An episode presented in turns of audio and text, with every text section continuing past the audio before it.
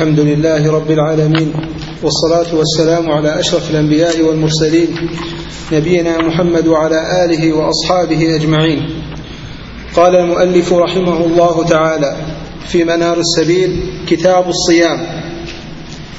صوم رمضان أحد أركان الإسلام. بسم الله الرحمن الرحيم وصلى الله وسلم وبارك على نبينا محمد وعلى آله وأصحابه ومن تبعهم بإحسان إلى يوم الدين. أما بعد فنتكلم في عدة مجالس على أحكام الصيام وذلك وفق المسائل التي ذكرها ابن ضويان رحمه الله في كتابه منال السبيل. وهذا الكتاب هو من أنفس كتب الحنابلة التي اعتنت بالدليل. بل لا أعلم كتابا من الكتب المختصرة في مذهب الإمام أحمد بحجمه أو دونه توفرت فيه الأدلة بهذه الوفرة على هذا النحو. وهذا قدر جليل جدا وذلك أن الأدلة التي ذكرها من المرفوع والموقوف تزيد على ثلاثة آلاف أو ربما تقرب من من أربعة آلاف بين مرفوع وموقوف ومقطوع. وهذا دليل على أهمية هذا الكتاب وجلالة قدره ما ينبغي لطالب العلم أن يعتني به فهما ودراسة وكذلك وكذلك حفظا إن تيسر وتمكن من ذلك. يقول المصنف رحمه الله كتاب الصيام. الكتاب في لغة العرب مصدره كتب يكتب كتابا والمراد به الجمع والكتب وما يشتق منه في لغة العرب المراد به الجمع ولهذا يقول الشاعر لا تأمنن فزاريا خلوت به على قلوصك واكتبها بأسياري. والمراد هنا هو الجامع لمسائل الصيام سواء كان من مسائل الفقه أو الأدلة من المرفوع والموقوف. والصيام في لغة العرب هو الإمساك والإمساك عن كل شيء يسمى يسمى صيام. سواء أمسك الإنسان عن الكلام أو عن الطعام أو عن الحركة يسمى يسمى صائما. لهذا قال الله سبحانه وتعالى إني نذرت للرحمن صوما. فسمى الإمساك عن الكلام صوما. كذلك أيضا بالنسبة للخيل إذا كانت ممسكة عن الصهيل يقال يقال خيل صيام. ولهذا يقول الشاعر خيل صيام وخيل غير صائمة تحت العجاج وأخرى تعلق اللجم. يعني منها من تصل ومنها من لا تصل وسماها سمى الممسكة صياما. والمراد بالصيام هنا في كلام الفقهاء وكذلك أيضا في مصطلح الشارع هو الإمساك عن شيء مخصوص في زمن مخصوص من أشخاص مخصوصين. والمراد بذلك هو الإمساك عن المفطرات في زمن مخصوص وهو في رمضان وكذلك أيضا مما يدخل فيه حكما من مما شرع الله عز وجل صيامه من النوافل والفرائض سواء سواء كان ذلك من المكمن صيام النذر أو الكفارات أو كذلك صيام النافلة أو غيرها. فيسمى هذا الصوم. ومحل الصوم هو ومحل الصوم هو النهار. ولكنه قد يصح صيام الليل يصح صيام الليل. لمن؟ لمن أراد وصالا. وهذا قد جاء عن جماعة من السلف وكان النبي صلى الله عليه وسلم يفعله ويواصل يفعله ويواصل ويؤجر الإنسان على صيام الليل كما يؤجر على صيام النهار في الشيء القليل. لا لا يكون ذلك على سبيل الدوام. ولهذا جاء عن بعض السلف أنه كان يواصل يواصل من السحر إلى السحر ومنهم من واصل يوما ويومين كما جاء ذلك عن ابن الزبير وربما يأتي الكلام عليه بإذن الله. والنبي صلى الله عليه وسلم كان يصوم ويواصل. فقيل له في ذلك فقال إني لست كهيئتكم إني أبيت عند ربي يطعمني ويسقيني والمراد بذلك أن النبي صلى الله عليه وسلم يطعمه ربه ويسقيه من طعام وسقيا العلم واليقين والثبات. فإن الإنسان إذا أصبح منشغل القلب والذهن بشيء انصرف عن انصرف عن مشاق الحياة. ولهذا الإنسان المهموم بشيء لا ينصرف إلى شيء إلى شيء من من هموم من هموم الدنيا الأخرى. وهذا هو المراد. ومن العلماء من قال إن الله عز وجل يطعم نبيه عليه الصلاة والسلام الطعام والشراب الحقيقي. وفي هذا وفي هذا نظر. وفي قول المصنف رحمه الله صوم رمضان أحد أركان الإسلام. صيام رمضان احد اركان الإسلام ولا خلاف في ذلك وذلك لما جاء في حديث عبد الله بن عمر في الصحيحين وغيرهما قال عليه الصلاة والسلام بني الإسلام على خمس شهادة لا إله إلا الله وأن محمد رسول الله وإقام الصلاة وإقام الصلاة وإيتاء الزكاة وصوم رمضان وحج البيت. وجاء في رواية وحج البيت وصوم وصوم رمضان وهي وهي في الصحيح.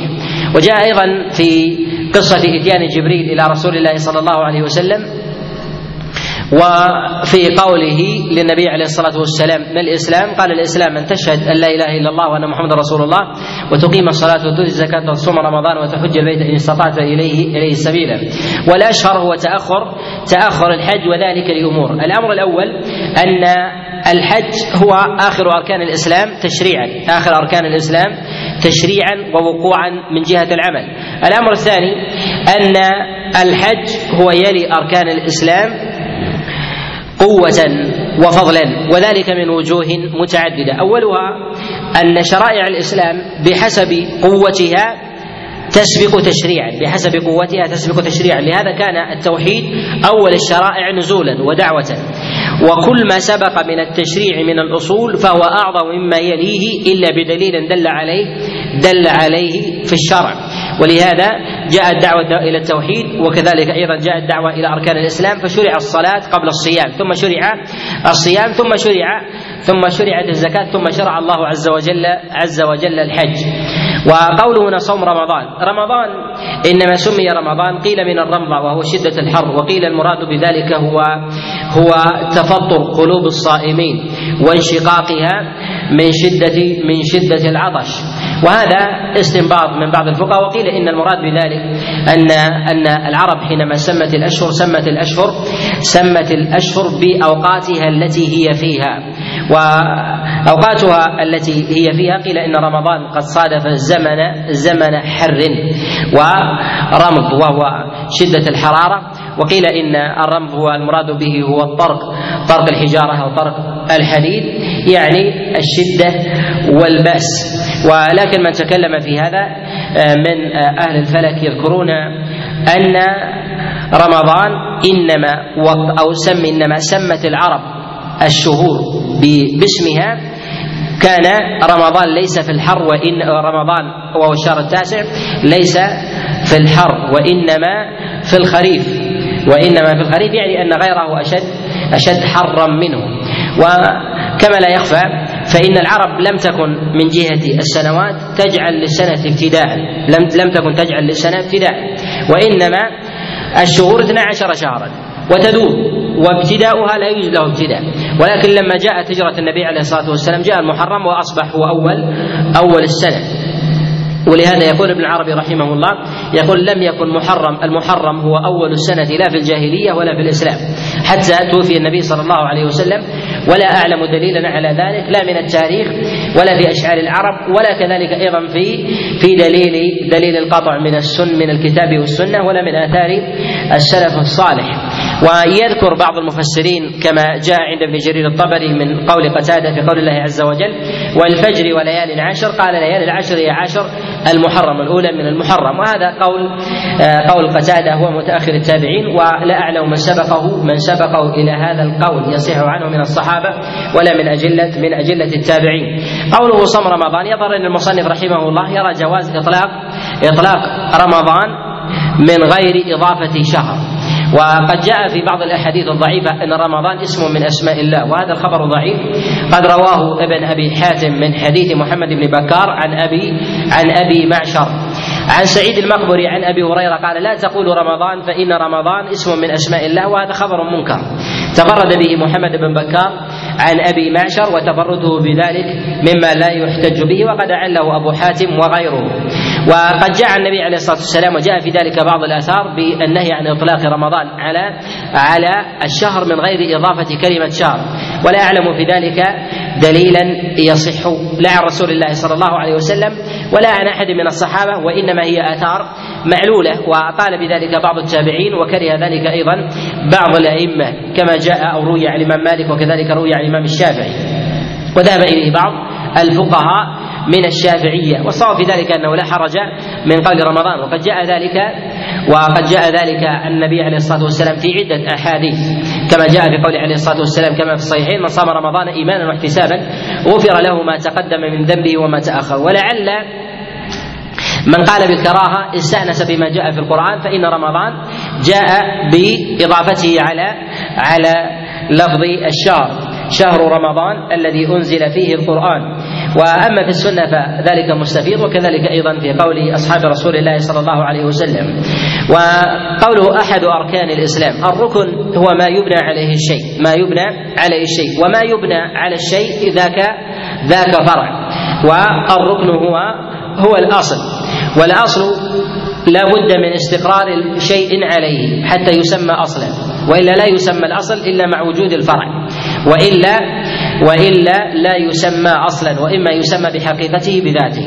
ولهذا لهذا فإن البناء لا يسمى أصله أصلا إلا ويعلم الناس أن هذا الأصل يفتقر إلى فرع.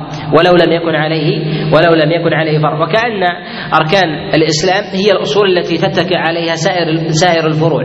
لهذا تجد النوافل في الصلاة الصلاة هي الأصل ثم بعد ذلك تتفرع عنها النوافل قيام الليل وسنن الرواتب النوافل المطلقة وغير ذلك كذلك الصيام الركن ثم يتفرع عنه صيام النوافل اثنين والخميس ثلاث أيام من كل شهر والأيام البيض وكذلك أيضا صيام عرفة وعاشوراء وصيام شهر الله المحرم ورجب وشعبان وغيرها. فيتفرع عن ذلك أشياء أشياء كثيرة جدا. وكذلك أيضا ما جاء من الزكاة ويتفرع عنها من الصدقة والنفقة والهدية وغير ذلك.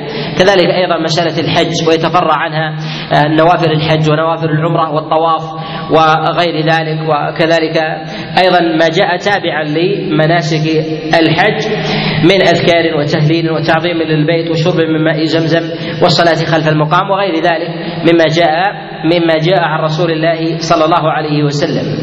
نعم.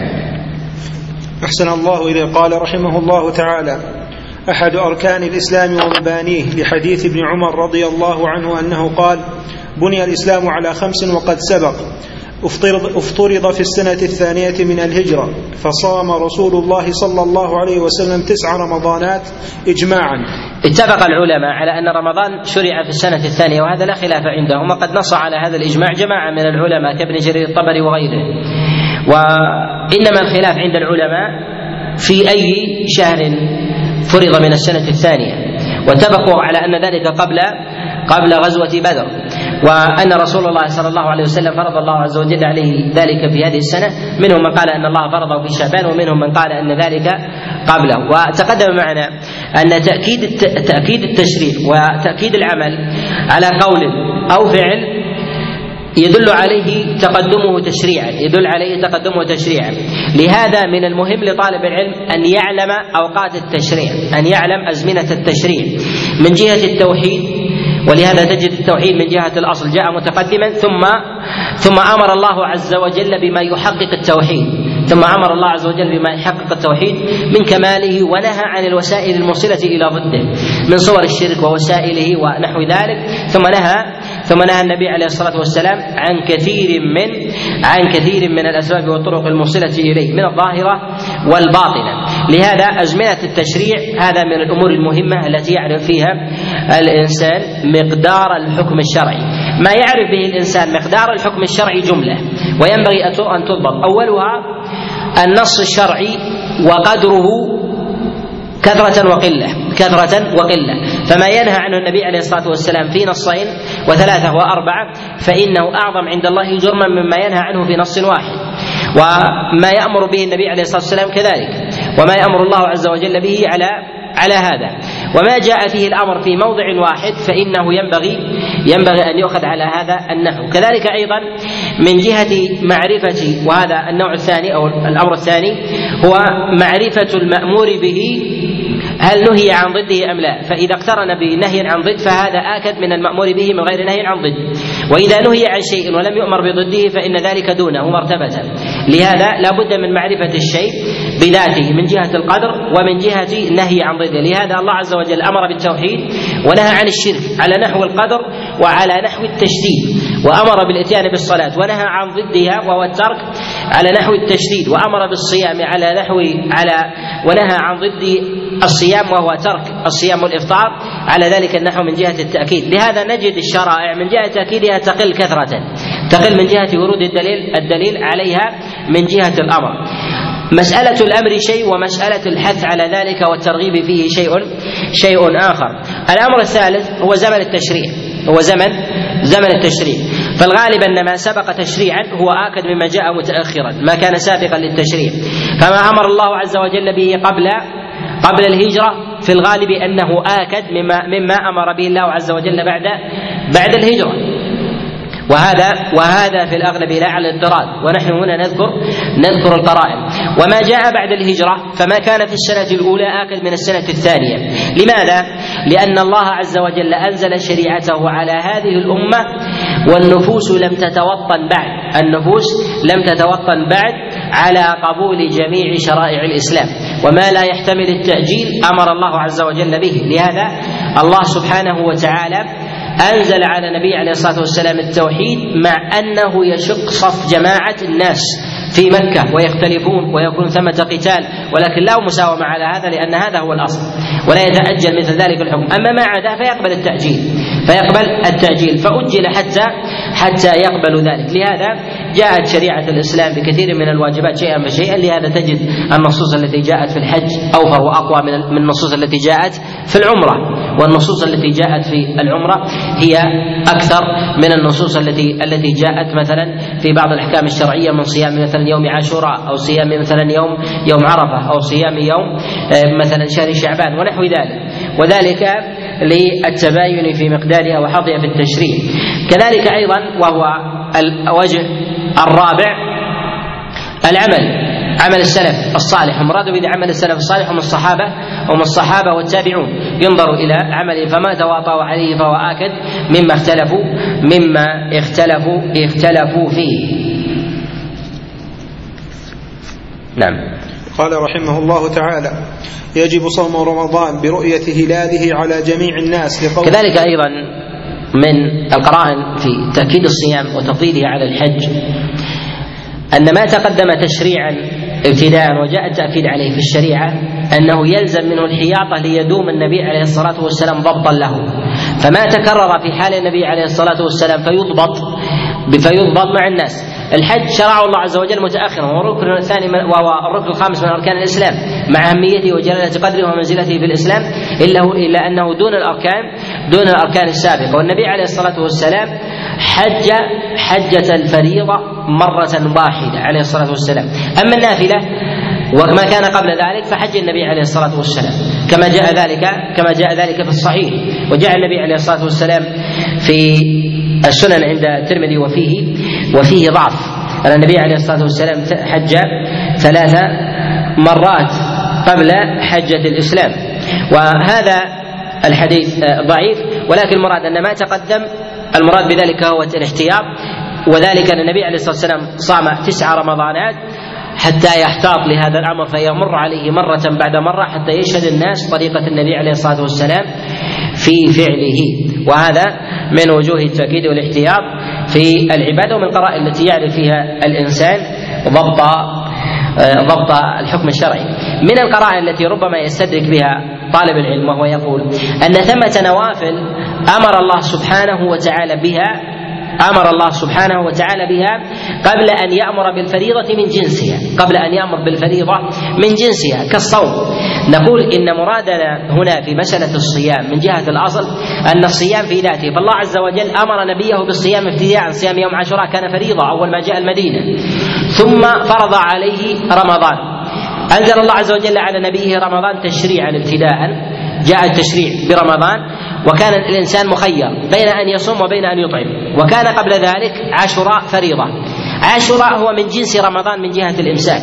وكان واجبا. ثم لما فرض الله صيام رمضان أسقط صيام عاشوراء وجعل صيامه نفلا وجعل صيام صيام رمضان واجبا. إذا هو من جنسه. هو هو من جنسه. لهذا جاء عند الإمام أحمد في المسند من حديث عبد الرحمن بن أبي ليلى عن معاذ بن جبل النبي عليه الصلاة والسلام لما قدم المدينة وفرض الله عز وجل عليه صيام يوم عاشوراء ثم شرع الله له صيام رمضان فمن شاء أن يصوم ومن شاء أن يطعم و ثم فرض الله عز وجل صيام رمضان وجعل صيام يوم عاشوراء تطوعا. نعم. قال رحمه الله تعالى يجب صوم رمضان.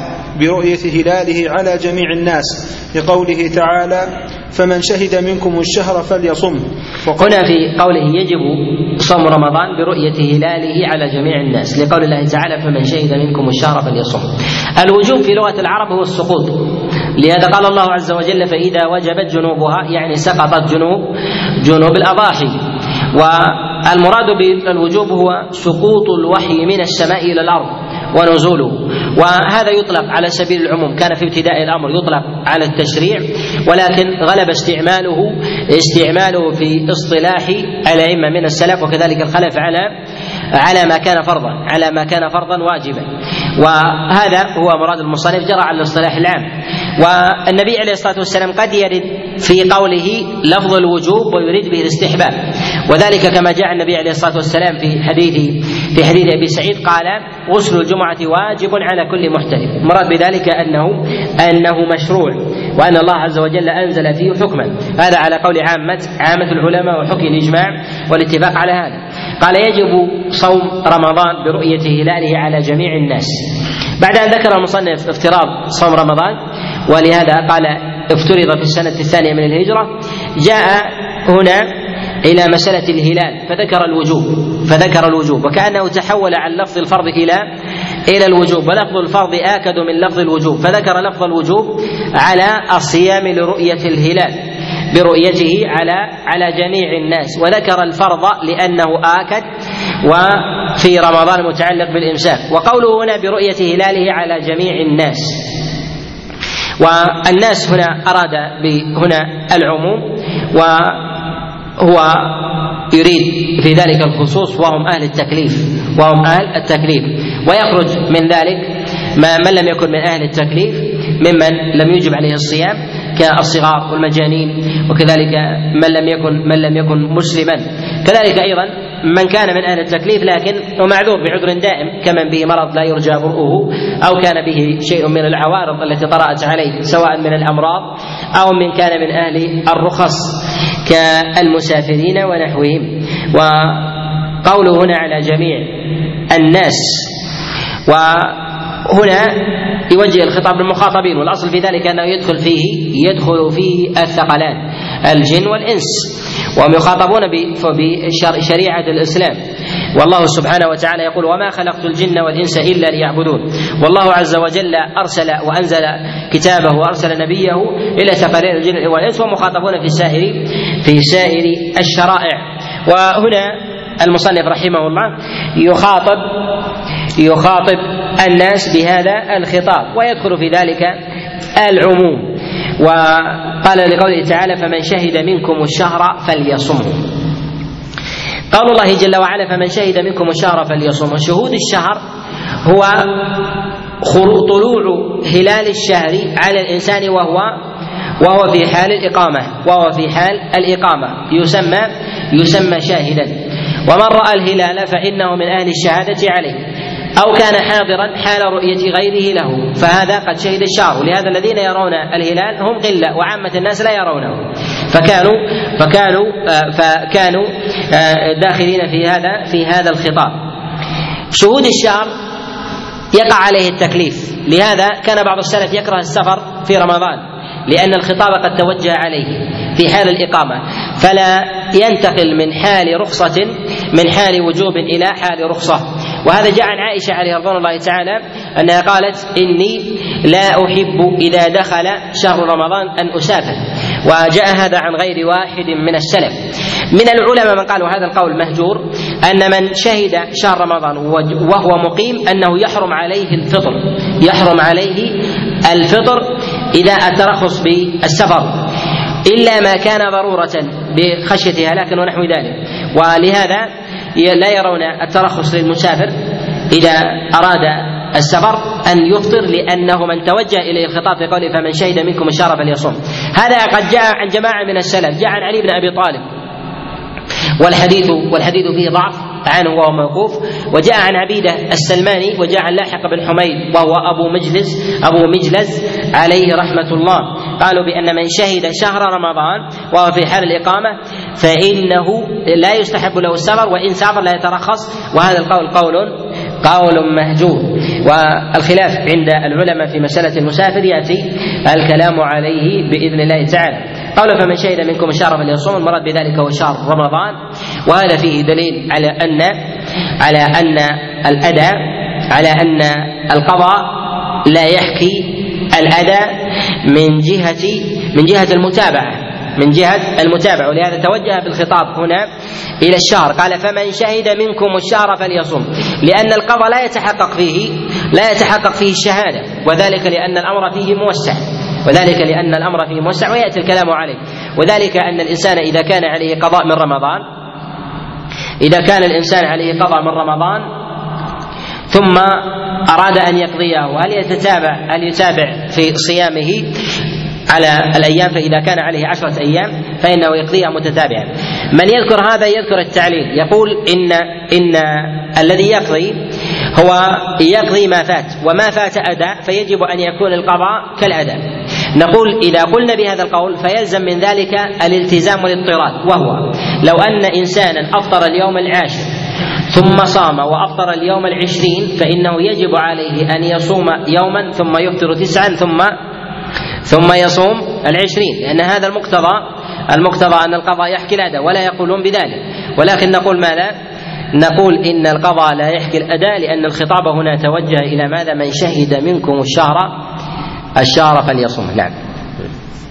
قال رحمه الله تعالى وقوله صلى الله عليه وسلم صوموا لرؤيته وأفطروا لرؤيته. متفق عليه.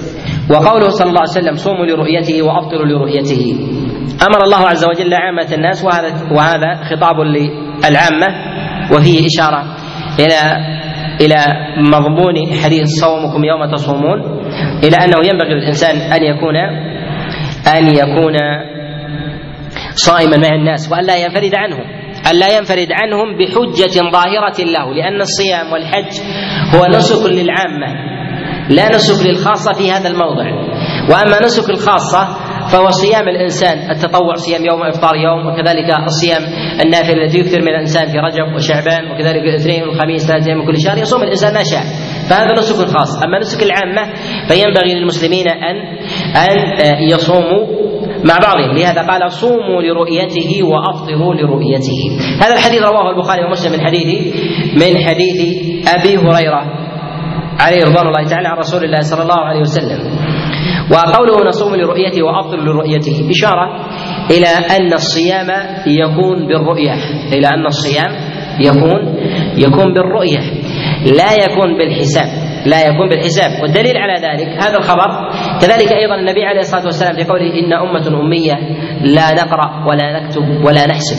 النبي عليه الصلاة والسلام حينما قال إن أمة أمية لم يذكر النبي عليه الصلاة والسلام عدم وجود الحساب وإنما ذكر أنه موجود قال لا نكتب لا نقرأ ولا نكتب ولا نحسب. يعني الحساب موجود ولكن نأخذ بالرؤية ولا نأخذ بغيرها. الأخذ بالرؤية هو محل اتفاق عند العلماء ولا أعلم في ذلك مخالفا. لا أعلم في ذلك مخالفا لا من السلف ولا من الأئمة الأربعة وإنما الخلاف هو خلاف طارئ. وقد حكى الإجماع على الأمر بالحساب خلق من أئمة من أئمة الفقه في المذاهب في المذاهب الأربعة يشددون في هذه المسألة وأن الصيام ينبغي أن يكون للرؤية لا أن يكون بالحساب.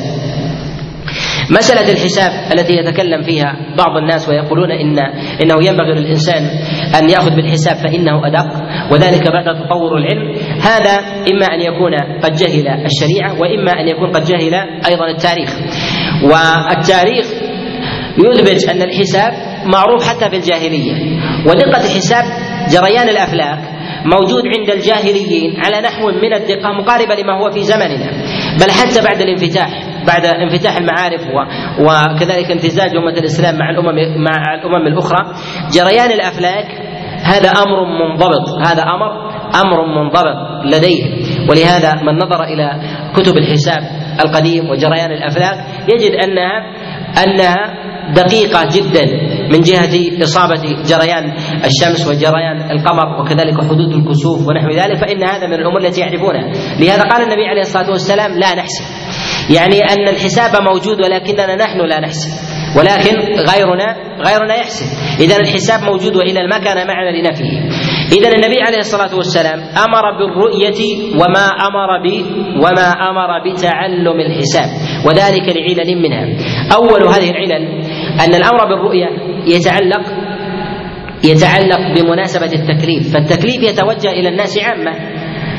البر والبحر الحاضر والبادي القريب والبعيد.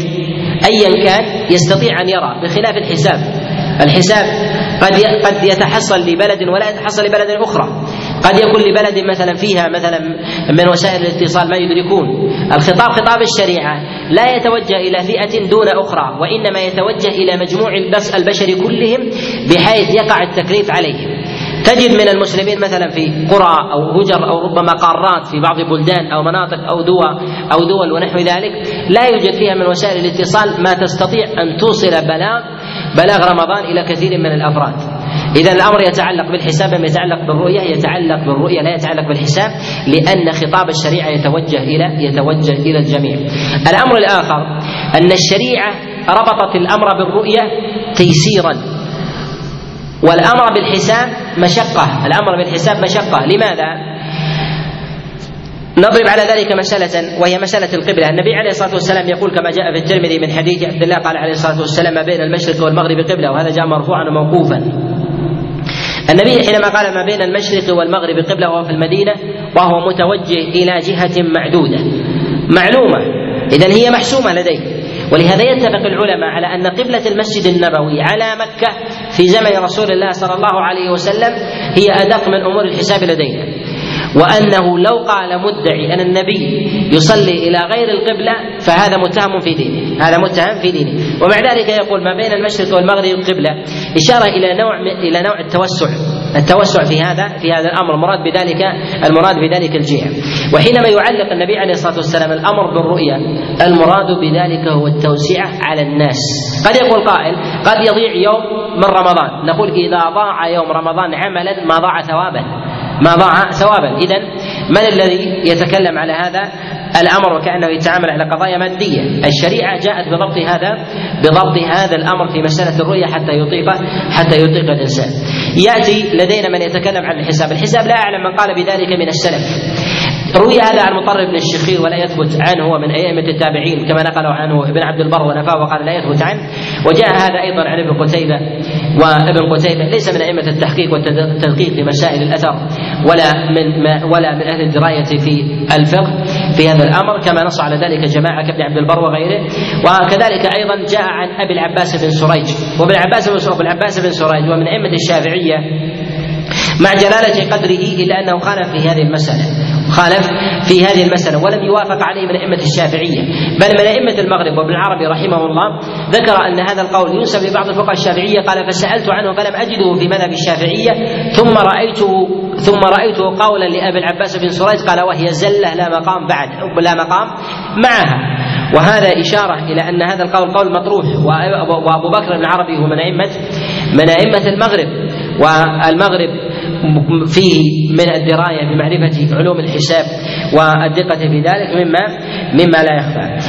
من الأمور التي ينبغي الكلام عليها في مسألة الحساب أننا أن الله سبحانه وتعالى ربط الناس بالرؤية في الصلوات الخمس وهي آكد من رمضان. الصلوات الخمس من جهة رؤية الشمس من جهة طلوعها ومن جهة غروبها. نرى الشمس حقيقة ثم ثم نمتنع عن الصلاة ونتوقع ينتهي الصلاة. ثم نرى الغروب وينتهي صلاة العصر ويدخل صلاة المغرب بالرؤية ليس بالحساب. ولو خوطبنا بالحساب فإن الشمس التي نراها الآن ليست هي الشمس الحقيقية وإنما هو انكسارها في الغلاف الجوي. وهذا يسمي يسميه أهل الفلك الانكسار وكذلك أيضا ما يتكلم عليه من, علماء الفيزياء يقول الانكسار فإذا كان مثل الإنسان في إناء ثم وضعت كشاف وأنت في داخل الإناء أو البركة ونحو ذلك تجد أنك ترى ما على سطح الماء ولا ترى الكشاف الحقيقي. لا ترى الكشاف الحقيقي ولكن ترى ما على ما على السطح. كذلك أيضا أنت في الأرض. الغلاف الجوي من جهة تأثره بالضوء هو كتأثر سطح الماء. كتأثر سطح الماء. ما نراه الآن هو الانعكاس على الغلاف الجوي وليست الشمس الحقيقية ولا القمر الحقيقي.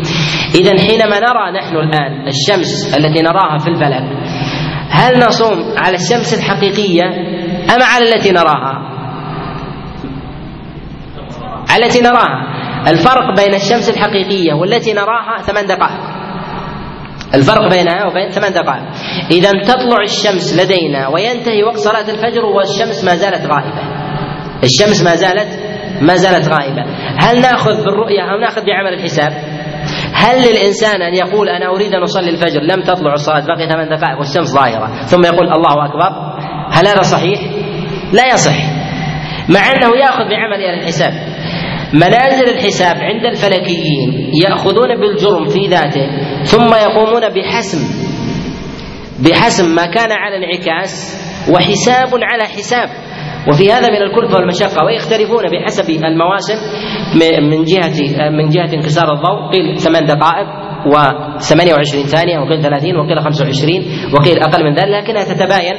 بحسب بحسب المواسم بحسب أيضا سرعة الضوء. فسرعة الضوء في البرودة يختلف سرعة الضوء في جهة الحرارة. كذلك بعض العوائق له تقلل من من سرعة وصول الضوء بأجزاء من الثانية.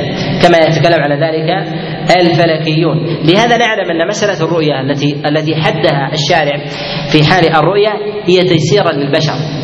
تيسيرا للبشر فإنه مخاطب بذلك. ثم أيضا إن الذي يقول إن الأمر بالحساب يلزمه أن يأخذ بالحساب بمجاري الأفلاك الأصلية حتى في الصلوات الخمس. ويلتزم في ذلك بدخول الصلوات في انصرامها كذلك أيضا في معرفة أوقات في معرفة أوقات أوقات النهي.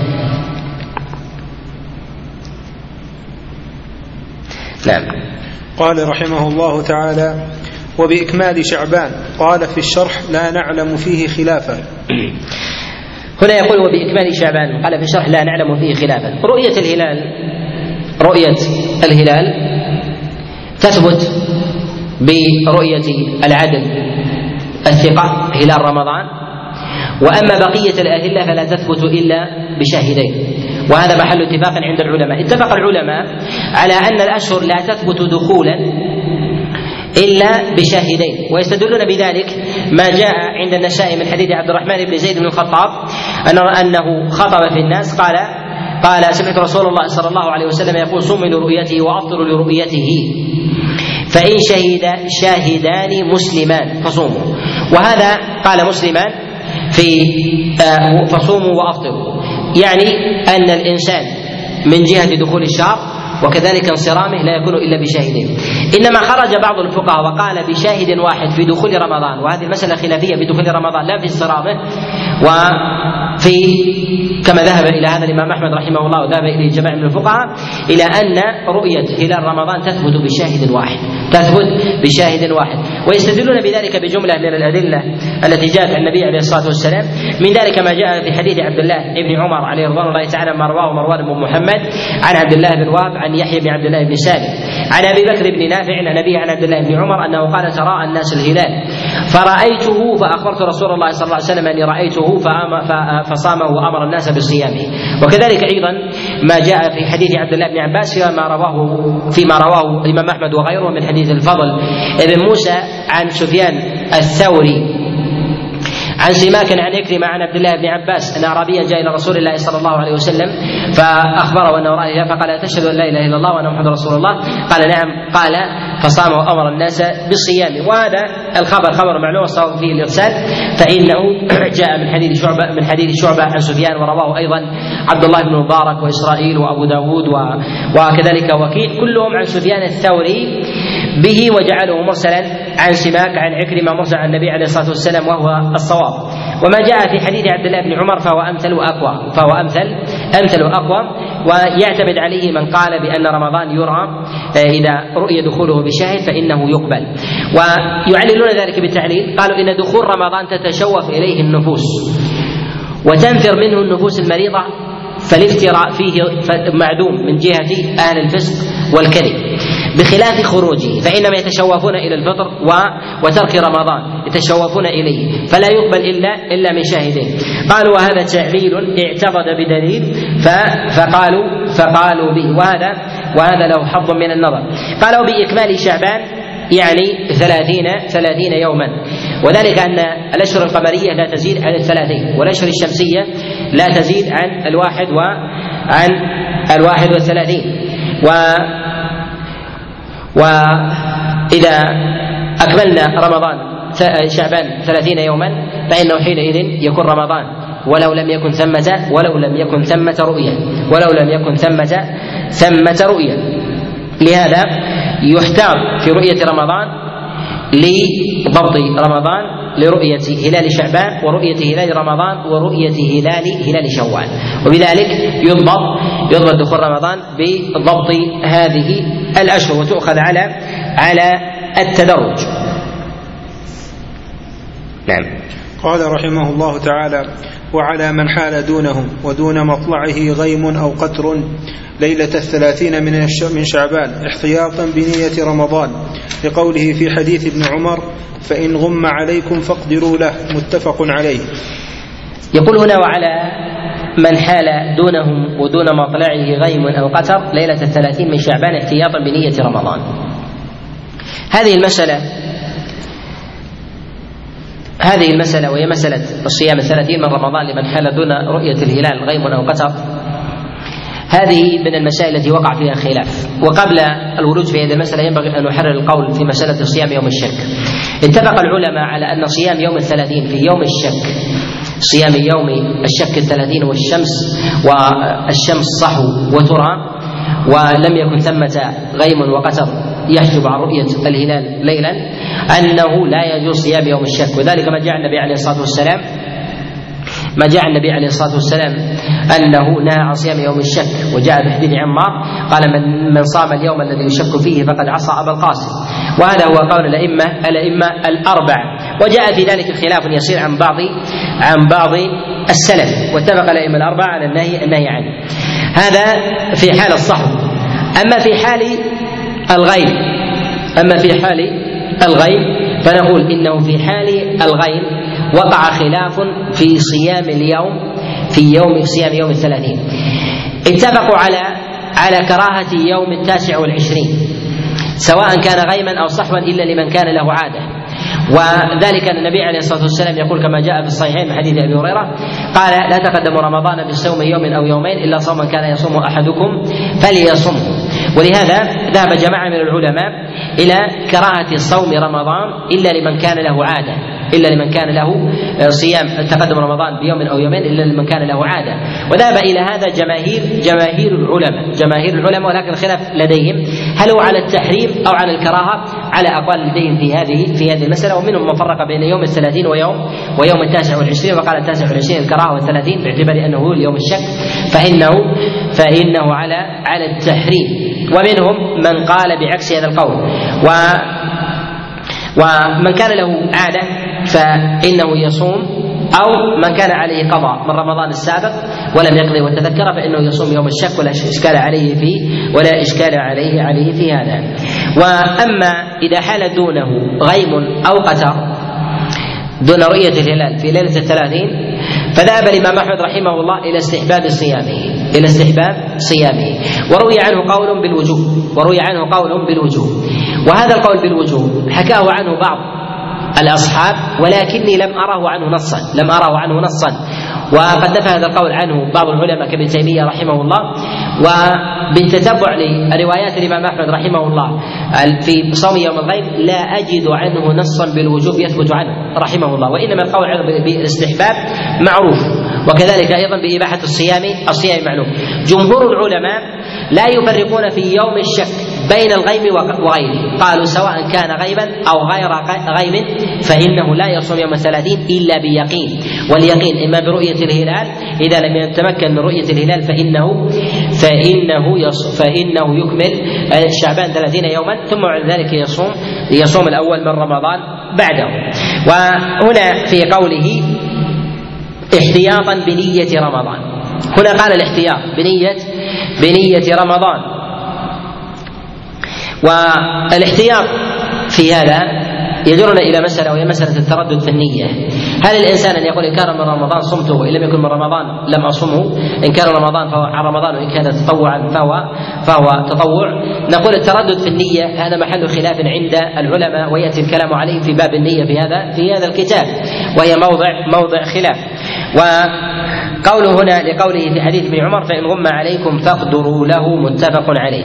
هذا الحديث تقدم الإشارة إليه في قوله عليه الصلاة والسلام صم لرؤيته واقدروا رؤيته فإن غم عليكم فاقدروا فاقدروا له. من العلماء من قال إن المراد بفاقدروا له أي ضيقوا عليه. وهذا ضيق عليه قال في هذا التعليل بعض الأصحاب في مذهب الإمام أحمد ولا أعلم هو قول الإمام أحمد استدلالا في هذا في هذا الحديث المراد بذلك التضييق. وإنما هو استنباط من قوله أنه ذهب إلى إلى إلى 29 وقال فإذا غم عليكم فاقدروا له. قال المراد بالغمة هي حال بينكم وبينه غيم أو قتر فإذا حال بيننا وبينه غيم أو قتر فإن الإنسان فإن الإنسان يقدر له. قيل إن القدر هو التضييق فأخذوه استنباطا من كلام الإمام أحمد رحمه الله وقال بذلك بعض الفقهاء وقال بذلك بعض الفقهاء من الحنابلة. ومنهم من قال فاقدروا له أي احسبوا شعبان ثلاثين. وذلك كما في الرواية الأخرى فأتموا عدة شعبان ثلاثين يوما. أتموا عدة شعبان ثلاثين ثلاثين يوما ويأتي مزيد كلام على هذا. نعم. قال رحمه الله تعالى يعني ضيقوا له العدة من قوله ومن قدر عليه رزقه أي ضيق عليه وتضييق العدة له أن يحسب شعبان تسعة وعشرين يوما. وكان ابن عمر رضي الله عنه إذا حال دون مطلعه غير هذا هذا حمل المعنى في قوله فاقدروا له على التضييق والتضييق هو وضع الشيء في أقصى ما يكون لديه وأقصى ما يكون لديه الشهر هو 29 تضييقه إلى 28 محال. لأن الشهر لا يكون 28 إما 29 أو 30 فتضييقه فاقدروا له أي ضيقوا عليه. وتضييقه هو ما يمكن ما يمكن أن يكون على التاسع على التاسع والعشرين. ثم بعد ذلك يكون رمضان. وعلى هذا حمل الأصحاب كلام الإمام أحمد رحمه الله واستدلوا باستعمال الشارع لهذا في قول الله جل وعلا ومن قدر عليه رزقه. وقالوا أي ضيق عليه رزقه. فاصبح فأصبح ضيق العيش. وهذا معنى وهذا المعنى المعنى صحيح. ولكن في هذا الحديث هو محل خلاف محل خلاف عند العلماء. وسبب الخلاف أنه جاء في بعض الأحاديث فأتموا عدة شعبان ثلاثين يوما. وجاء في بعض الأحاديث فاقدروا له فاقدروا له. وهذا هو موضع الإشكال الإشكال فيه. وأما الاستدلال في قوله وكان ابن عمر إذا حال دون مطلعه غيم أو قتر أصبح صائما وراوي الحديث وعمله به تفسير تفسير له. عبد الله بن عمر عليه رضي الله تعالى روى حديث فإذا غم عليكم فاقدروا له. ولدى الفقهاء قاعدة وهي أن الراوي إذا فسر الحديث الذي رواه عن النبي عليه الصلاة والسلام بتفسير فإنه أولى أولى من غيره. وبعض العلماء يقول العبرة بما رواه الراوي لا بما رآه ويذهب إلى هذا ويذهب إلى هذا جماعة من الفقهاء وغيرهم. ولا شك أن تأويل الراوي أولى من تأويل غيره. تأويل الراوي أولى من تأويل غيره. والمحدثون يعلون الحديث بمخالفة الراوي لمرويه ويلزم من ذلك أنهم يقوون الخبر إذا رواه وأيده بفعله أو فسره بفعله.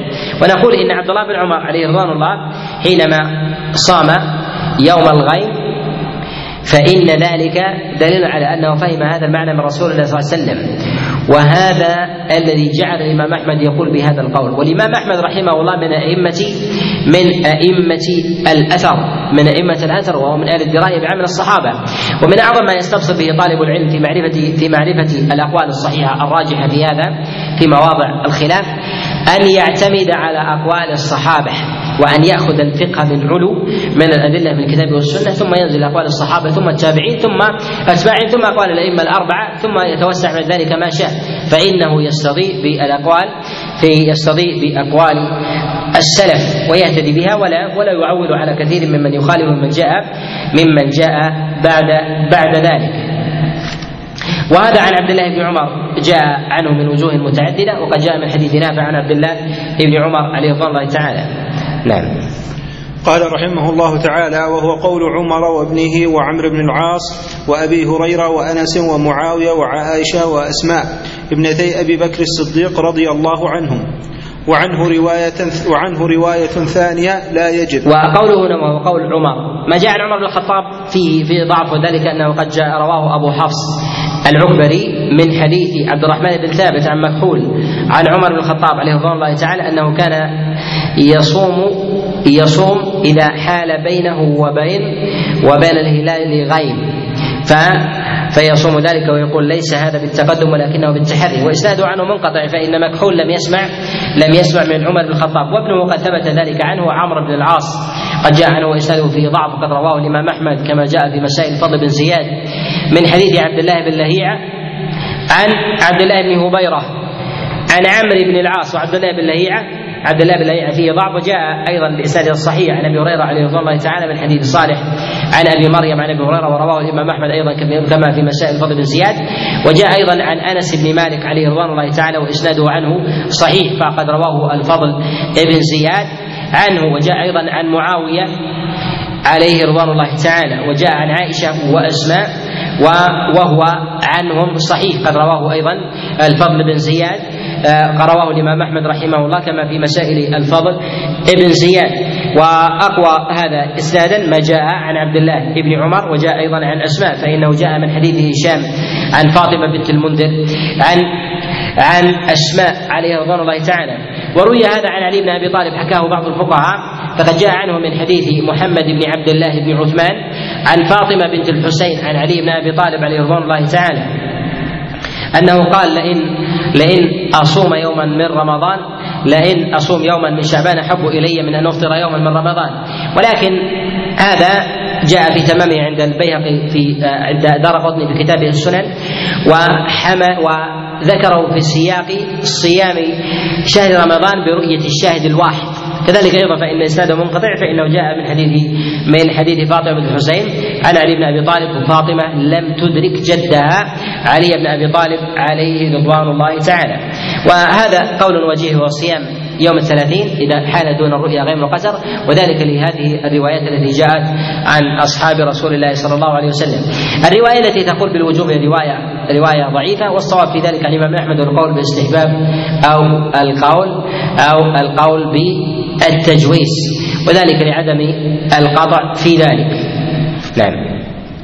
قال رحمه الله تعالى قال الشيخ قال الشيخ تقي الدين. هذا مذهب أحمد المنصوص الصريح عنه ولا أصل للوجوب في كلامه ولا كلام أحد من أصحابه فعليها يباح صومه. اختاره الشيخ تقي الدين وابن القيم في الهدي. نقل عن الإمام أحمد القول بصيام يوم الغيم من غير ذكر الوجوب. جماعة من أصحابه ذكره ذكره آه، أبو بكر عبد العزيز غلام الخلال وذكره الخلال وذكره أيضا آه، أبو حامد. وجماعة من أصحاب الإمام أحمد لم يذكروا لفظ الوجوب لم يذكروا لفظ لفظ الوجوب. وهذه المسألة في مسألة صيام يوم الشك هذه مما وقع فيها خلاف عريض بين الحنابلة وبين بقية الطوائف. بين الحنابلة وبين بقية الطوائف وخاصة مسألة الوجوب. وقد صنف القاضي أبو يعلى بن الفرة رحمه الله كتابا في ذلك رسالة جزءا سماه وجوب صيام يوم الشك. ويدافع عن هذا القول وعن الإمام أحمد رحمه الله ورد عليه الخطيب البغدادي في الرد على من قال بصيام يوم الشك. وهو صاحب التاريخ رد على على ابن الفراء رحمه الله رسالة في هذا. ثم جاء أبو الفرج ابن الجوزي ورد على الخطيب البغدادي منتصرا للقاضي أبي يعلى في رسالة سماها كشف اللوم والضيم في حكم الصوم يوم الغيب وأورد الأدلة في هذا في هذا الأمر. ثم جاء بعد ذلك ورد عليه ولي الدين العراقي رحمه الله رد على على ابن الجوزي رحمه الله في رسالته ذلك. وهذه آه، رسائل في غالب في غالبها مدثرة ولا أعلمه موجودا وكتاب الفرة وكذلك كتاب الخطيب البغدادي. أشار إليه النووي رحمه الله في المجموع وذكر زبدته وخلاصته. وأيضا أشار إلى زبدة هذين الكتابين وخلاصتهما. أبو الفرج بن الجوزي في كتاب كشف اللوم والضيم وهو مطبوع وأشار إلى شيء من ذلك أيضا ولي الدين العراقي رحمه الله في شرحه على سنن سنن الترمذي. وأشار أشار إلى إلى شيء من المسائل ورد هذا القول. نعم.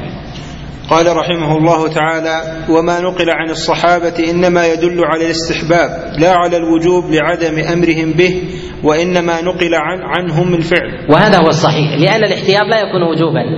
هذا الأصل أن الاحتياط أن الاحتياط لا يكون وجوبا على الأعيان. وأما ما دل عليه الدليل على سبيل اليقين هو الذي يخاطب به الأعيان لأنه رمضان. إما أن يجب على الأعيان أو يرفع التكليف ويكون ذلك على الاستحباب. ولهذا لم يخاطب ولم يناد في يوم الغيم للناس عامه ولو كان يوم الغيم مساويا من جهة الوجوب برؤية الهلال لاستغار ذلك واشتهر. ولهذا لم يرد عنهم لم يرد عنهم القول القول للعامة بهذا وإنما كانوا يصومون يصومون في في أنفسهم. نعم. قال رحمه الله تعالى وقول بعضهم لأن أصوم لأن أصوم يوما من شعبان أحب إلي من أن أفطر يوما من رمضان. وعنه رواية هذا جاء عن علي بن أبي طالب وجاء عن عائشة. نعم. قال رحمه الله تعالى وعنه رواية ثالثة الناس تبع الإمام لقوله صلى الله عليه وسلم صومكم يوم تصومون وأضحاكم يوم تضحون رواه أبو داود. الناس من جهة صيام رمضان هم تبع لي تبع للإمام تبع للإمام. فإن صام الإمام صوم يوم الغيم فإنهم يصومون معه. وإذا لم يصم يوم الغيم فإنهم لا يصومون معه. هذا في من كان منقادا أو منخرطا مع جماعة المسلمين. يخرج من هذا يخرج من هذا الإنسان الذي لا يعلن صيامه. الذي لا يعلن صيامه. يجوز له هذا. الدليل على هذا أن الصحابة كانوا يصومون وهم تحت إمام. أنهم كانوا يصومون تحت إمام. وعائشة تحت إمام وابن عمر تحت إمام وأبو هريرة وغيرهم من الصحابة عليهم رضي الله تعالى كانوا تحت امام ومع ذلك كانوا يصومون ولم يكن ذلك عملا مستفيضا. لهذا الإنسان إذا كان يصوم من غير إعلان صيامه للناس حتى لا يكون شقا لصف المسلمين كذلك أيضا الإنسان الذي يكون نائيا عن جماعة الناس كالإنسان الذي يكون مثلا في البر من الرعاة واهل البوادي ونحو ذلك الذين لو اذاعوا صيامهم ونحو ذلك بينهم لم يكن في ذلك لم يكن في ذلك شق لصف لصف الناس فإن اقتداءهم بما جاء عن الصحابة عليهم رضوان الله تعالى جائز. نعم. قال رحمه الله تعالى ويجزئ إن ظهر منه أي من رمضان بأن ثبتت رؤيته بموضع آخر لأن صومه قد وقع بنية رمضان لمستند شرعي أشبه الصوم للرؤيا. يقول ويجزئ إن ظهر منه. يعني إن ظهر يوم الثلاثين الذي حال دون دونه غيم وقتر. على أنه من رمضان أجزى عنه عن رمضان. أجزى عنه عن رمضان وليس بحاجة إلى أن يقضيه. وهذا مقتضى التأكيد بصيام هذا اليوم. قالوا وذلك أنه لا معنى لأن ينوي الصيام على سبيل الاحتياط ثم لا يحسب له. فلا معنى لوجود الاحتياط إلا لتعظيم هذا الشهر تعظيما تعظيما مجردا. وهذا القول هو مذهب الإمام أحمد خلافا لجمهور العلماء. فإن الإمام مالك والشافعي وأبا حنيفة رحمهم الله يقولون به بالمنع من صيام يوم يوم الثلاثين إلا إلا بالرؤيا. ولو صامه ثم أصبح من رمضان فإنه لا يجزئ فإنه لا يجزئ عنه.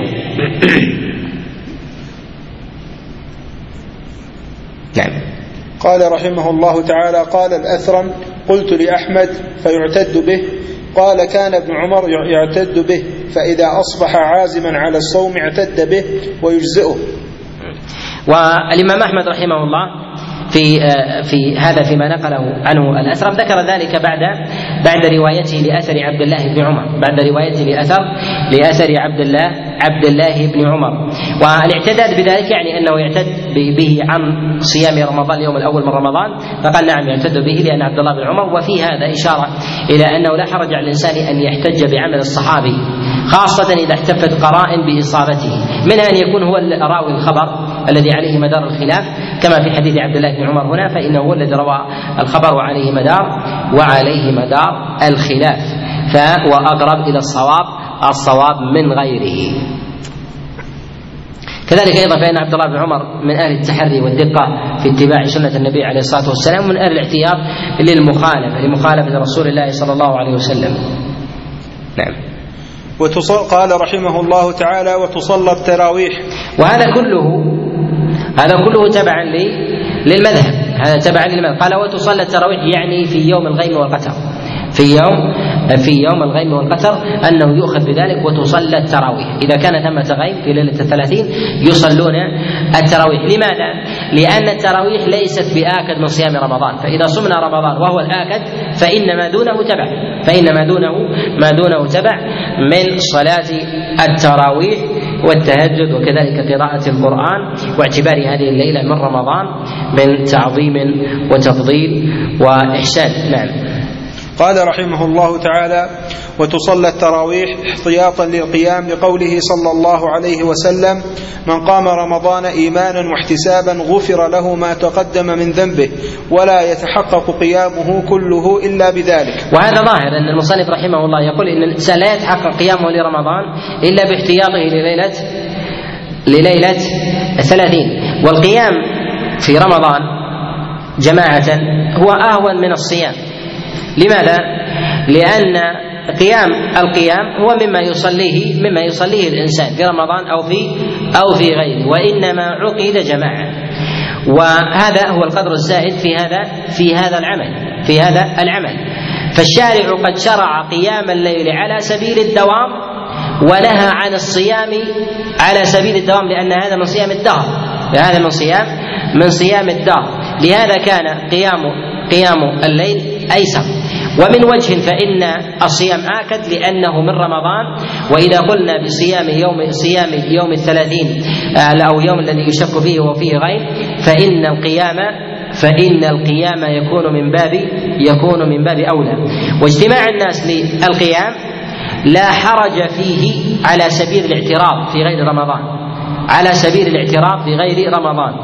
أما على سبيل الدوام فيجوز أن يجمع الإنسان أهل بيته فيصلي فيهم. أن يصلي أن يصلي فيهم. ولا حرج عليه ولا حرج عليه في هذا.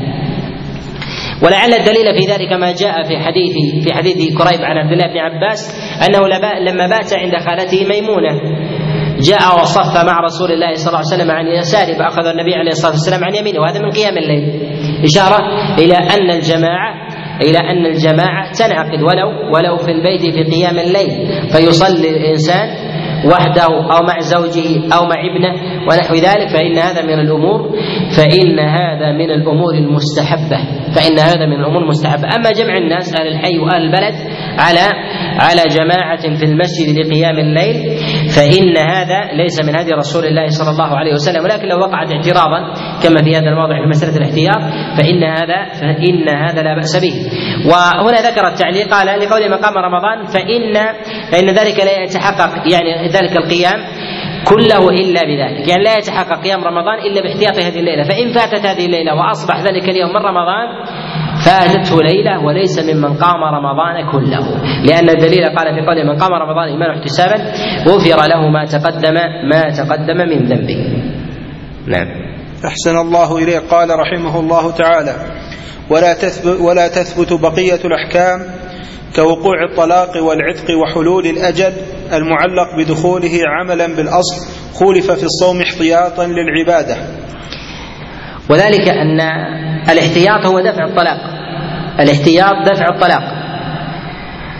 بعض الفقهاء يرى أن إيقاع الطلاق هو الاحتياط. والاحتياط إنما يكون بدفع الطلاق لا في إيقاعه. لأن إيقاع الطلاق يلزم منه تحريم الفرج وإباحته. تحريم الفرج على زوج وإباحته لآخر. فاجتمع فيه أمران. اجتمع فيه أمران.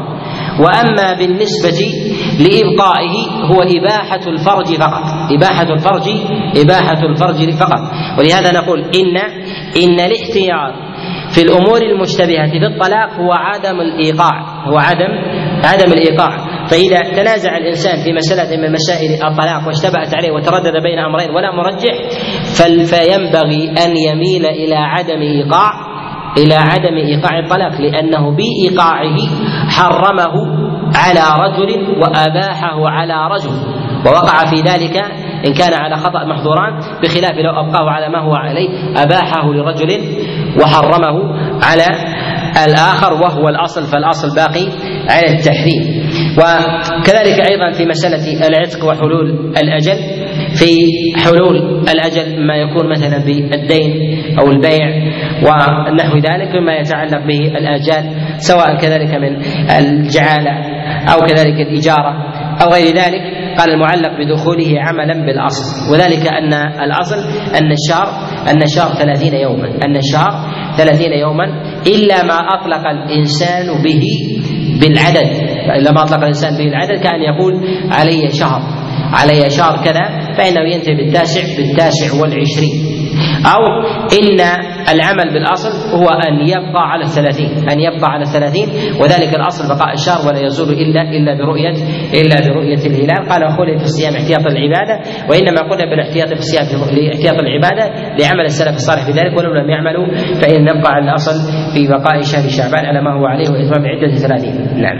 قال رحمه الله تعالى إثبات رؤية الهلال وتثبت, وتثبت رؤية هلاله, هلاله بخبر مسلم مكلف. رؤية هلاله. وأحسن الله إليك. وتثبت رؤية هلاله بخبر مسلم مكلف عد ولو عبدا أو أنثى. نص عليه وفاقا للشافعي وحكاه الترمذي عن أكثر العلماء قاله في الفروع. رؤية الهلال رؤية الهلال إما أن يكون لرمضان أو لغيره. لغير رمضان لا بد من شاهدين باتفاق العلماء. وأما لرمضان فإن بعض العلماء قال بشاهد واحد وهذا القول قال به الإمام أحمد والشافعي خلافا لغيرهم. فإنهم قالوا بأنه لا بد لا بد من شاهدين في كل الأشهر, الأشهر دخولا وانصرافا.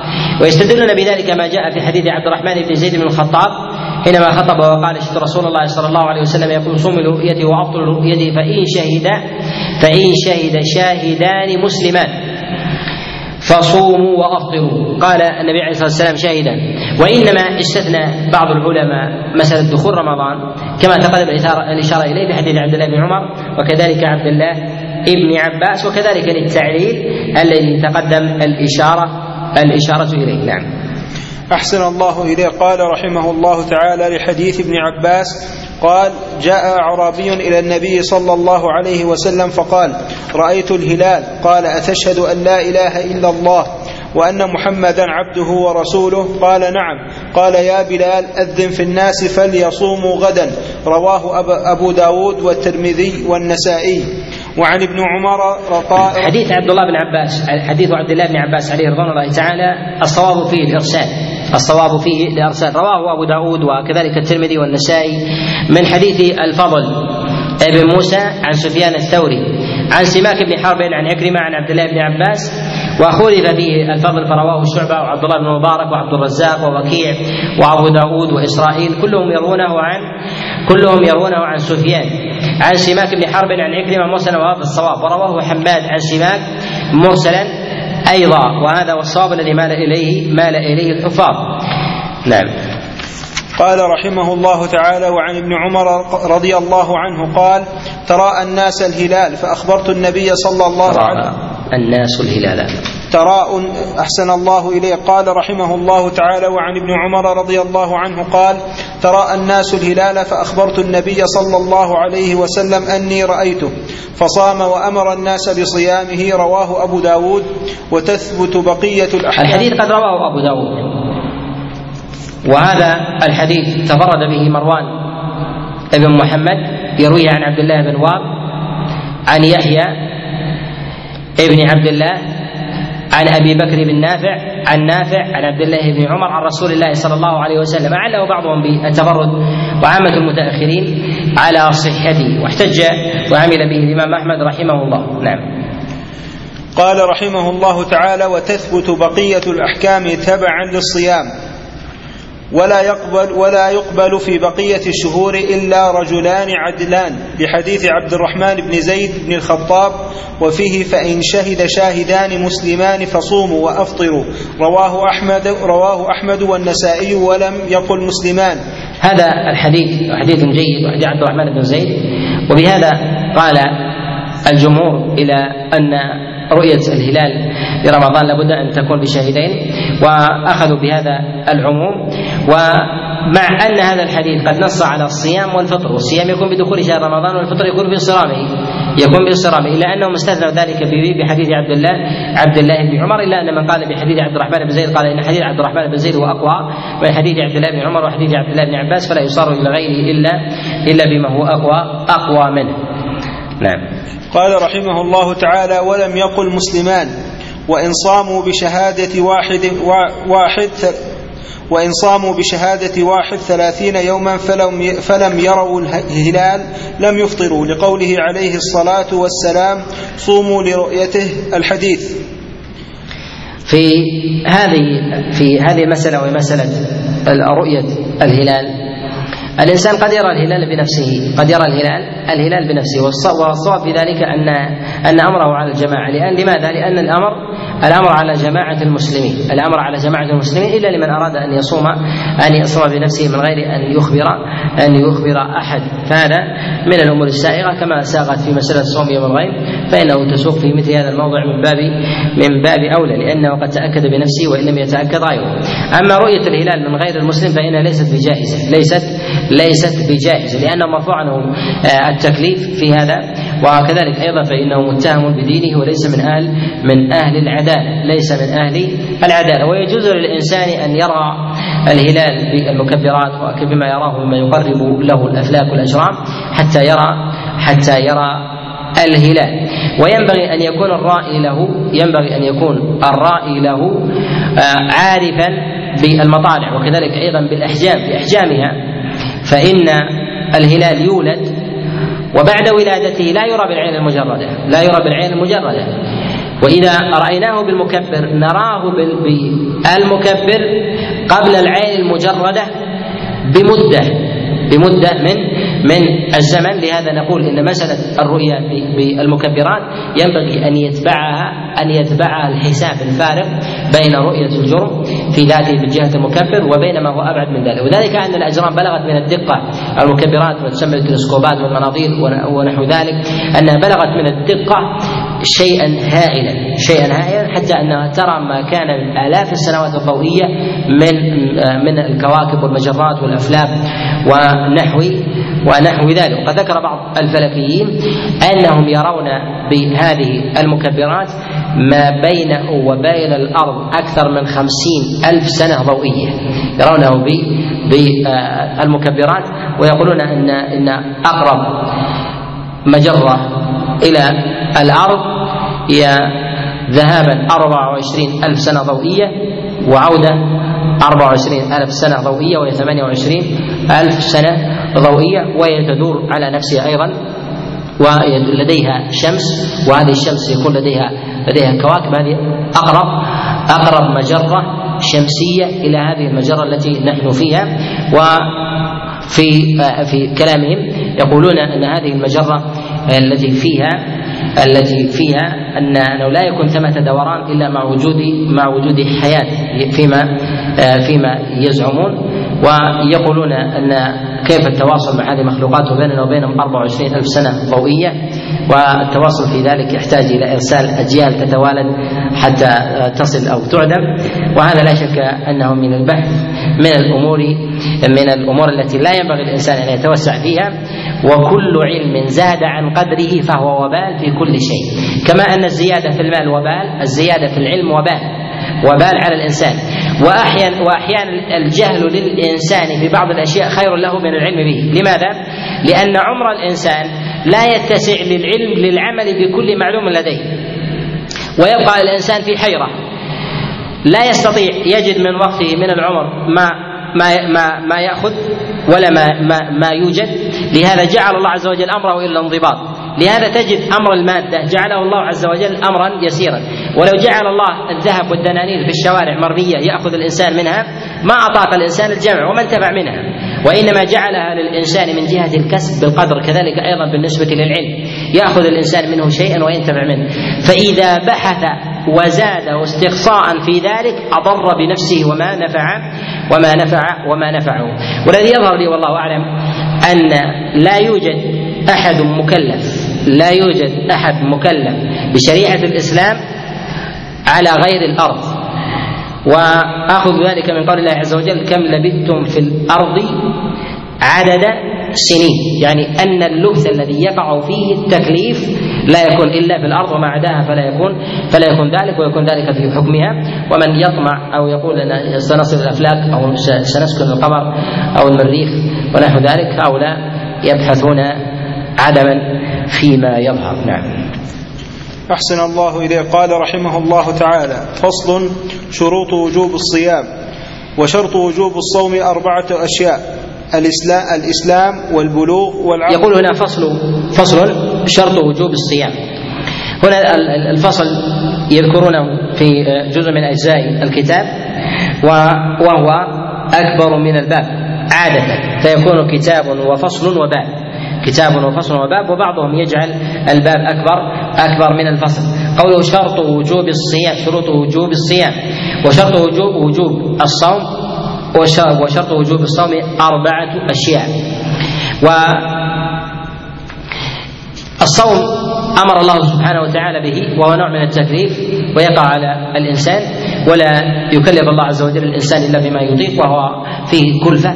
ولهذا قال الله عز وجل لا يكلف الله نفسا إلا وسعها. يعني ثمه تكليف ولكنه بقدر الوسع والطاقة. نعم. قال رحمه الله تعالى الإسلام والبلوغ والعقل. فلا يجب على كافر ولا صغير ولا مجنون. لحديث رفع القلم عن ثلاثة. هذا الحديث في حديث عائشة عليه رضوان الله تعالى وجاء في السنن من حديث إبراهيم عن الأسود عن عائشة أن رسول الله صلى الله عليه وسلم قال رفع القلم عن ثلاثة عن المجنون حتى يعقل وعن الصغير حتى يبلغ وعن النائم حتى يستيقظ. والمراد بالقلم هو قلم الرقيبين. وما يجريه الله عز وجل على الإنسان من حسنات وسيئات. ويستثنى من ذلك بعض الحسنات فإنها تجري على بعض المكلف تجري لبعض المكلفين وذلك كحال الصبي في الحج.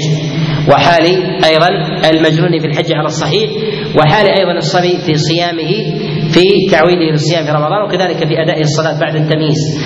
بعد التمييز فإنه يؤجر يؤجر على ذلك لتحقق النية النية منه. وقوله هنا الإسلام الإسلام هو شرط لوجوب الصيام والكافر لا يخاطب بفروع الشريعة ويذهب جماعة من المتكلمين إلى وجوب إلى وجوب الصيام على على الكفار قال وهم مخاطبون بفروع الشريعة ويستدلون بذلك ببعض المواضع من كلام الله عز وجل وكلام النبي عليه الصلاة والسلام بإنزال العقاب على على الكفرة في النار. كما في قول الله عز وجل قالوا ما سلككم في سقر قالوا لم نكن من المصلين قالوا والصلاة هي من فروع الإسلام. فكيف يعاقبون على ذلك؟ وهم وهم ليسوا من أهل الإسلام. ولكن يقال إن الكافر يعاقب على الأصول والفروع لتفريطه في ذلك من جهة العقاب. وأما من جهة الخطاب خطاب الشريعة لا يتوجه الخطاب إلا إلا بالتوحيد ابتداء ثم يدخل بعد ذلك الفروع. ومن كان كافرا كفر بالإسلام جملة يخاطب بترك الإسلام جملة. ومن عرف الإسلام جملة وتفصيلا يعاقب على الجملة والتفصيل. وهذا لوضوح البينه فالعقاب ينزل على المكلف فالعقاب ينزل على المكلف بحسب العلم الذي تحقق فيه. فإذا عرف الأصول والفروع ككفار قريش عرفوا الصلاة وعرفوا التوحيد وعرفوا الصيام وما آمنوا فيعاقبون على ذلك كله. ومن سمع بالإسلام سماعا وكفر به يعاقب على الإسلام على ترك الإسلام و لا يعاقب على ترك الفروع لأنها لا يعلمها أصلا. والله عز وجل يقول وما كنا معذبين حتى نبعث رسولا لهذا الكافر الذي يعرف الإسلام أصلا وفرعا عقابه أشد. والكافر الذي يعرف الإسلام أصلا ولا يعرفه فرعا ف ولا يعرفه فرعا فعقابه دون ذلك وكلهم في النار خالدون مخلدون مخلدون فيها. وكذلك أيضا البلوغ فهذا لا ينفي استحباب صيام الصبي وأنه ينبغي لوليه ان أن يعوده عليه كما كان الصحابة يعودون ويعلمون صبيانهم الصيام ويلاهونهم بالعهد. وإذا بلغ الصبي في أثناء رمضان وذلك يعرف في المواليد الذين يولدون في رمضان فإذا بلغوا السنة الخامسة عشر وانتظر شيء من علامات البلوغ قبل ذلك وولد مثلا في اليوم الخامس عشر من رمضان وثم جاءه مثلا هذا اليوم نقول ما مضى منه؟ هل يقضيه أم لا؟ نقول لا يقضيه لأنه ليس من أهل التكليف. ويجب عليه بعد ذلك ويجب عليه بعد ذلك. ومن ولد في النهار؟ فنصف النهار قبل التكليف ونصف النهار بعد التكليف. نقول إن صام أجزاؤه عنه. ومن العلماء من قال إنه لا يجوز. ولكن نقول إنه يجزئ لأن مثل ذلك مثل هذا الضبط من الأمور التي في الغالب في الغالب لا يتعلق بمثلها تكليف ومشقة. والساعات تكون من الإنسان تكون من من الإنسان على التيسير من ربه سبحانه وتعالى.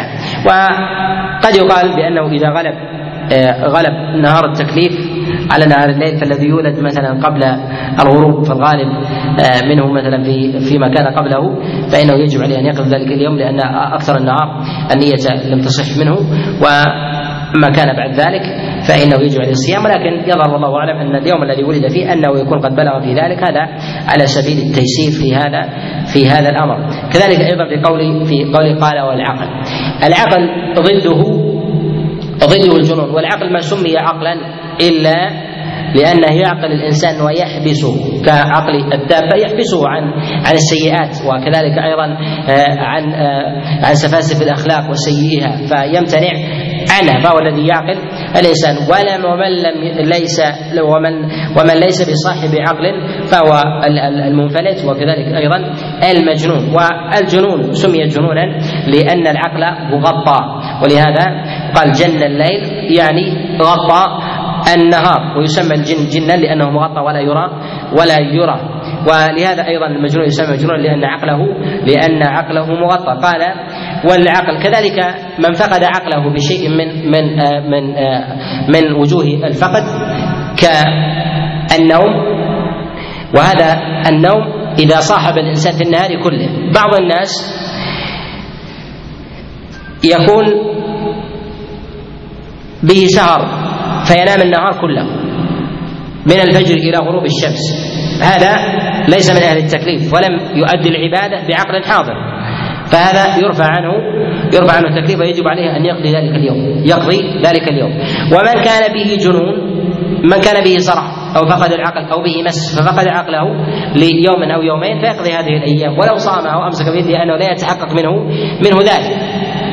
ومن نام بعض النهار نقول جاز منه الصيام وصح إلا إذا كان ذلك إلا إذا كان ذلك ذلك النوم هو مستوعبا للنهار كله. فإذا صحت منه النية ولو بجزء من النهار صح منه صح منه الصيام إذا كان من أهل النوم المعذور بخلاف من تكلف النوم ونام عن الصلاة متعمدا فإن الصلاة لا تصح إلا لا تصح إلا بصيام نعم. قال رحمه الله تعالى والقدرة عليه فمن عجز عنه لكبر أو مرض لا يرجى زواله. نتوقف هنا. نكتفي بهذا القدر ونكون إن شاء الله تعالى في الغد في سؤال. نعم. السلام الله عليكم. من نام طوال النهار لا يغفر صيامه؟ يقول من نام طوال يوم النهار لا يقبل صيامه. نقول من نام من طلوع الفجر إلى غروب الشمس هذا لا ليس له صيام لأنه لم تتحقق منه النية.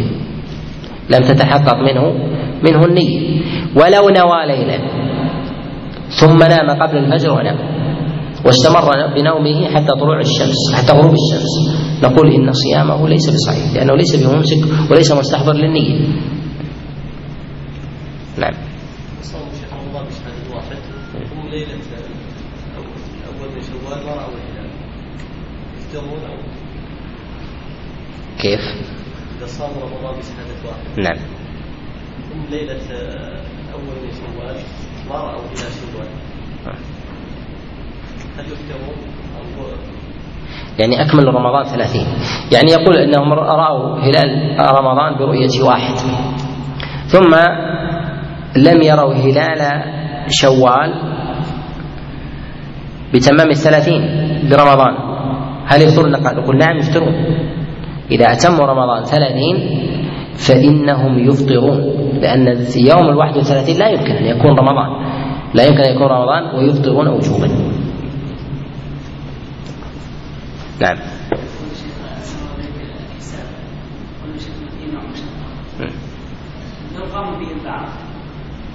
قال فيه أمر لا بد من بيانه في مسألة الرؤية والحساب. الشريعة ما نزلت بعام 2010 ولا 2030 ولا 40 الشريعة جاءت بتشريع يصلح للدهر كله. فلا تتعلق بها أسباب تربط بها العامة ربطا لا يخرجون عنه. فإذا جاء جيل انطمست آثار الرؤية. هذه الحضارة التي نحن فيها. يذكر من يتكلم فيها أن لن تدوم. وهم يطبقون فيها يطبقون عليها. حتى في أظن في الستة والتسعين أو قبل ذلك في مؤتمر روما ذكروا أن أنها لن تتجاوز أربعين ومنهم من يقول ثمانين. وهم أرباب المادة يدركون هذا الأمر. الشريعة العقائد الشرائع.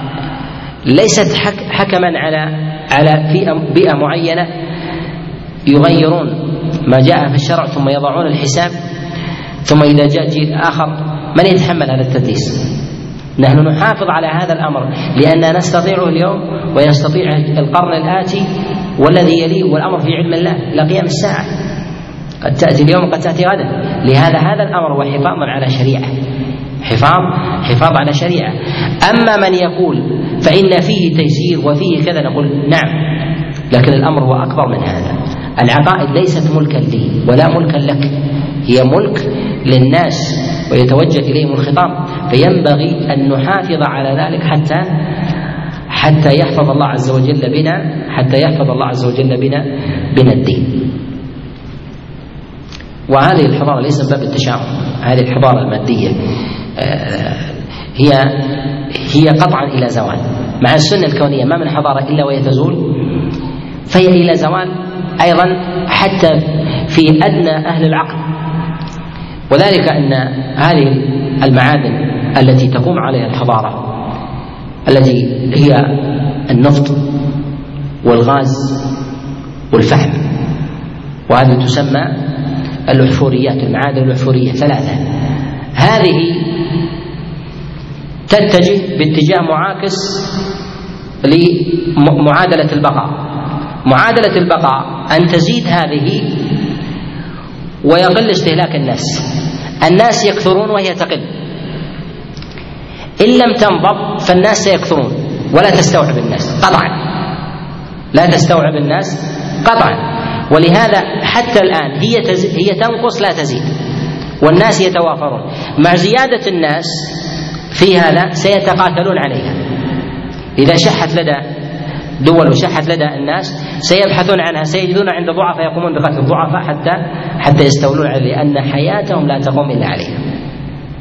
ولهذا وإن نعم بها جيل سيشقى بها أجيال وسيتقاتل عليها الناس. ولهذا لا يمكن أن تم أن تنعم بها دولة وبقية الدول على على انعدام منها لا. إما أن يمتنعون ويعيش الناس سواسية وإلا يتقاتلون عليها. ولهذا هذه الحضارة بإجماع أهل النظر والعقل فيها سواء من أمور السياسة أو ما يسمى بأهل الاستشراف المستقبل من أهل الفلسفة. آه، ما يتكلمون من المعاصرين ونحو ذلك. يدركون أن هذه الحضارة إلى زوال. وأنا لا أرى أنها إلى زوال بل إلى قتال وإلى مهلكة والعلم عند الله وصلى الله وسلم وبارك على نبينا محمد.